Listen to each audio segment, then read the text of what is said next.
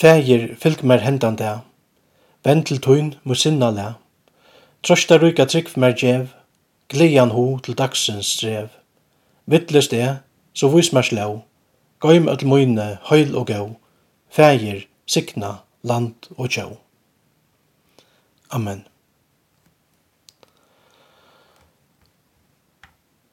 Paulus apostol.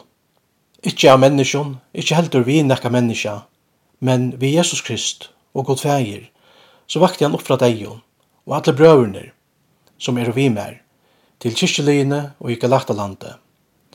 Nå er vi tikkun og frigjør fra gode feir og herravaron, Jesus Kristi, som gav seg sjalvan fire synder okkara, for at han kunne bjerge okkon ut ur hesson nuverande vonda høyme, etter vilja gods og vars vårs. Hånon veri høyren om altor og atlar æver. Amen. Galaterbrave, kapittel 8, vers 8 og til og vi 5. Paulus ferreist vui om de tredje ærene som, som gjenk og mittelen hans omvending utanfor Damaskus, og til han var setter i fengehus og i Rom. Og hans er misjonsferron boa i han gleibaskapen om Jesus og ståna i kristen kyrkjelig.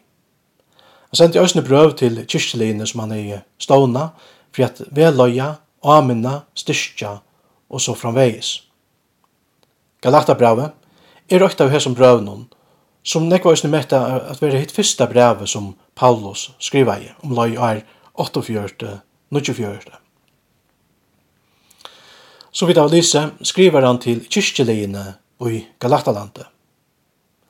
Etter at Paulus er i veri i Galatalandet og var ferden vujere, høttu kyrkjelinjer som han er i stålna, veri årekva av renglærere, som også nu vera kalla i judaister.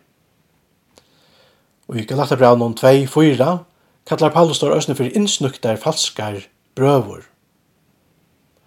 Og han sier vujere, som høttu smøtt seg inn for njøsnast om frals i okkara, som vi tæva og i Kristi Jesu, for at han kom til å få av gjørst okkom til trænler, sier Paulus. Eser falske og brøverne hadde nemlig lagt av krev om at halda Moselov at rett trunne av Jesus som Messias. Og da har sett til dem sånne spurnartekjen vi apostolska myndløykan til Paulus, og her vi sånne båskapen som han boa i. Da taler han nemlig i møte båskapen til Paulus om rettvistgjering av nøye øyna, vi trygg øyna og hildu på at om man skulle gjøre seg nekra vevn om å være frelstor, så skulle det møyra til enn bare hette her at tryggva.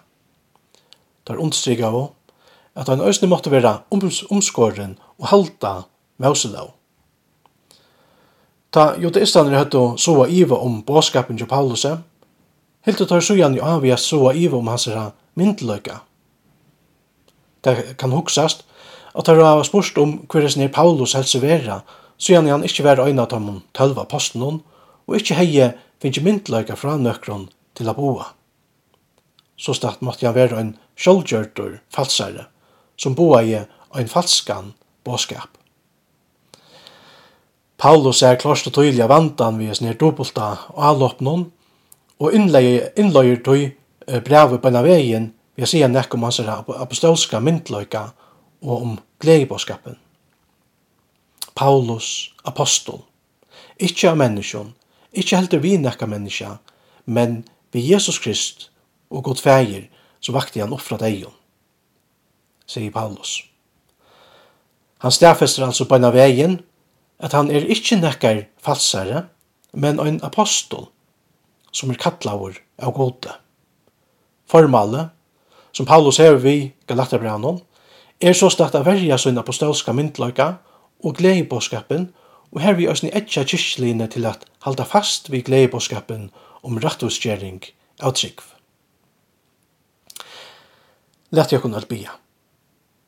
Vei var, tu som erst av himnon, høylagt vere navn tøyt, kommer rujtje tøyt. Vere vilje tøyn som i himne så gjør. Gjev okkon i det okra daglige brei. Og fyrir gjev okkon synder okkara, så så vidt òsne fyrir gjev av tøymon, vi møte okkon synda. Og la okkon ikkje i frøstingar, men frels okkon fra til gittla, det er tøytte rujtje, valde og høyren om atle rævr. Amen. Herren valsigne te, og varvøyde te. Herren lette i andres utløse ive te, og være ter nøyvor. Herren lytti opp asjonsun ive te, og gjeve ter fri.